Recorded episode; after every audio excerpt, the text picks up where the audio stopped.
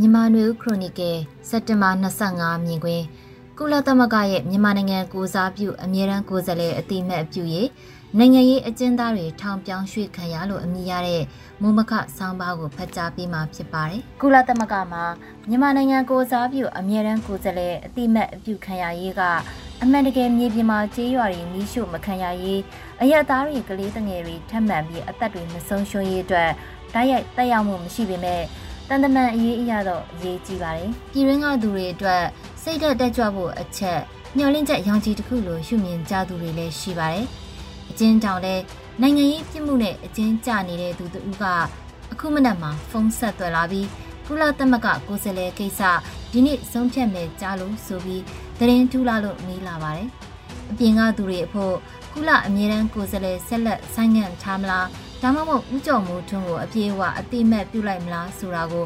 ကြီးကြီးမားမားအပြောင်းလဲဒါမှမဟုတ်မြမအရေးကိုတိုက်ရိုက်တက်ရောက်နိုင်မလားဆိုတာမသေးကြတာကြောင့်ဒီလောက်စိတ်ဝင်စားပေမဲ့အကျဉ်းကျနေသူအချို့ကတော့အဆိုပါကုလမှာအတိမတ်ပြုခံရရေးကအရေးတကြီးစိတ်ဝင်စားနေကြတာဖြစ်ပါတယ်။ကုလသမဂ္ဂမှာအပြည့်အဝအတိမတ်ပြုခံရရင်ဘာတွေဖြစ်လာမလဲ။လက်နက်တွေတရားဝင်ဝယ်ယူလို့ရလာမလား။ဒါမှမဟုတ်နိုင်ငံတကာကຫນွေဦးတော်လှန်ရေးအတွက် အကူအညီတွေပေးဖို့လမ်းပွင့်သွားမလားဆိုတဲ့မေးခွန်းတွေတော့ရှိကောင်းရှိနိုင်ပါတယ်။နံပါတ်1အချက်အနေနဲ့ NUG အစိုးရကိုတရားဝင်အစိုးရအနေနဲ့အတိမတ်ပြုတဲ့အနေအထားမဟုတ်သေးပေမဲ့လည်း NUG ကိုထောက်ခံပြီးစစ်အစိုးရကိုတစ္ဆာမခံတော့တဲ့တန်အမတ်အဆင့်ရှိသူဦးကျော်မိုးထွန်းကိုကုလသမဂ္ဂမှာကိုယ်စားလှယ်အနေနဲ့ဆက်လက်ထားရှိခြင်းကမွေးမသေးသုံးမကြိုးအနေထားလို့လည်းယူဆနိုင်တာကြောင့် NUG အနေနဲ့အပြည့်အဝအတိမတ်ပြုရေးကိုလိုလားတာဖြစ်ပါလိမ့်မယ်။ အခြားအရေးကြီးတဲ့အချက်တစ်ချက်က NUG အနေနဲ့ထိန်းချုပ်ထားနိုင်တဲ့နေမြေရှိခဲ့ရင်ဆိုတဲ့အချက်တစ်ချက်ဖြစ်ပါတယ်။အခုအနေအထားအထိထိန်းချုပ်နေမြေတတ်တတ်မတ်မတ်မရှိတဲ့အနေအထားဖြစ်ပြီး NUG အစိုးရရုံးဆိုင်တဲ့နေရာဒေသကိုပြဖို့မစွမ်းသာသေးတဲ့အနေအထားကလည်းအကြောင်းတစ်ချက်ဖြစ်ကောင်းဖြစ်ပါလိမ့်မယ်။ တိုင်းသားလက်နက်ကိုင်အဖွဲ့အစည်းတချို့ကထိန်းချုပ်နေမြေပြသနိုင်တဲ့အခြေအနေရှိနေပေမဲ့ NUG အနေနဲ့အလားတူအနေအထားမျိုးမရှိသေးဘူးလို့ဆိုရမယ့်အနေအထားဖြစ်ပါတယ်။ဒါကြောင့်ကုလသမဂ္ဂမှာစစ်ကောင်စီကိုအပိသက်အတိမတ်မပြုဖယ်ရှားပြီး NUG ကိုအတိမတ်ပြုရေးကလိုအပ်ချက်အချို့ရှိနေသေးတဲ့သဘောလည်းဖြစ်ပါတယ်။တန်တမန်ရေးတွေကိုခဏဖယ်ထားပြီးလက်တွေ့မြေပြင်ကအခြေအနေကိုပြောရရင်တော့ NUG အနေနဲ့လက်နက်ကင်လမ်းစဉ်ကိုအပြည့်အဝရွေးချယ်ထားပြီးတဲ့နောက်မှာ PDF တပ်ဖွဲ့တွေရဲ့စူးစီးမှုရဖို့အမိတ်ပေးမှုတစ်ခုတည်းအောက်မှာဖွဲ့စည်းနိုင်ဖို့ကိုပထမဦးစားပေးလုပ်နိုင်ဖို့လိုအပ်လိမ့်မယ်ထင်ပါတယ်။အဲ့ဒါမှသာတနေရာတရွာတပုတ်ဆန်းခုခံတိုက်ခိုက်နေကြတာထက်ယူဟာမြောက်တိုက်ပွဲတွေကိုတိုက်ခိုက်နိုင်မှာဖြစ်ပါတယ်။ဒီလိုဖြစ်ပေါ်လာဖို့အတွက်ငွေကြေးလက်နက်နေမြေစတဲ့အဓိက၃ချက်လိုအပ်လိမ့်မယ်ထင်ပါတယ်။ ဒီလိုလိုအပ်ချက်တွေကိုဖြည့်ဆည်းဖို့ခေါင်းဆောင်မှုအခြေအနေပေါ်စီမံအမိတ်ပေးနိုင်တဲ့ခေါင်းဆောင်မှုမျိုးရှိနေပြီးသားတိုင်းရင်းသားလက်နက်ကိုင်အဖွဲ့အစည်းတွေနဲ့နိုင်ငံရေးရောစစ်ရေးအရာပါလက်တွေ့ကျတဲ့ဆွေးနွေးမှုစကားပြောဆိုမှုတွေလိုအပ်မယ်ထင်ပါတယ်။ဒီအချက်တွေဖြည့်ဆည်းလာနိုင်ရင်ကုလသမဂ္ဂရဲ့အတိမတ်ပြုမှုလိုအရာမျိုးတွေကမျောလင့်နေရတာမျိုးမဟုတ်တော့ပဲလက်တွေ့အကောင့်ထဲပေါ်လာနိုင်တာဖြစ်ပါတယ်။ လက်ရှိမြန်မာနိုင်ငံရဲ့လက်နက်ကင်တော်လန်ရေးရဲ့စူးစီးမှုအမိန့်တစ်ခုတည်းအောက်မှာရှိမှုစတာတွေက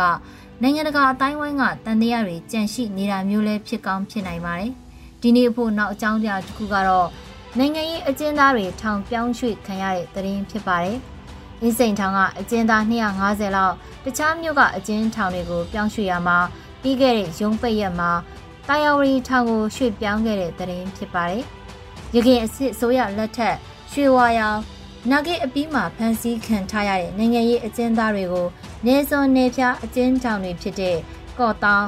ပူတာအိုမြစ်ကြီးနားမိုင်းပြင်းမိုင်းဖြက်ဘူးသီးတောင်ကြောင်မဲစတဲ့အစွန်အဖျားသွားလာရခက်ခဲတဲ့အကျဉ်းထောင်တွေစီရွှေ့ပြောင်းခဲ့ပူပါတယ်။အဲ့ဒီထောင်တွေကိုရွှေ့ပြောင်းခံရသူတွေဟာ2011ခုနှစ်ရွေးကောက်ပွဲအပြီးပြန်လွတ်တဲ့အချိန်အထိအောင်အစောပါနေစွန်နေဖျားအကျဉ်းထောင်တွေမှာနေထိုင်ခဲ့ကြရတာဖြစ်ပါတယ်။ အခုစစ်အာဏာသိမ်းအပြီးအကျဉ်းထောင်ပြောင်းရွှေ့မှုတွေက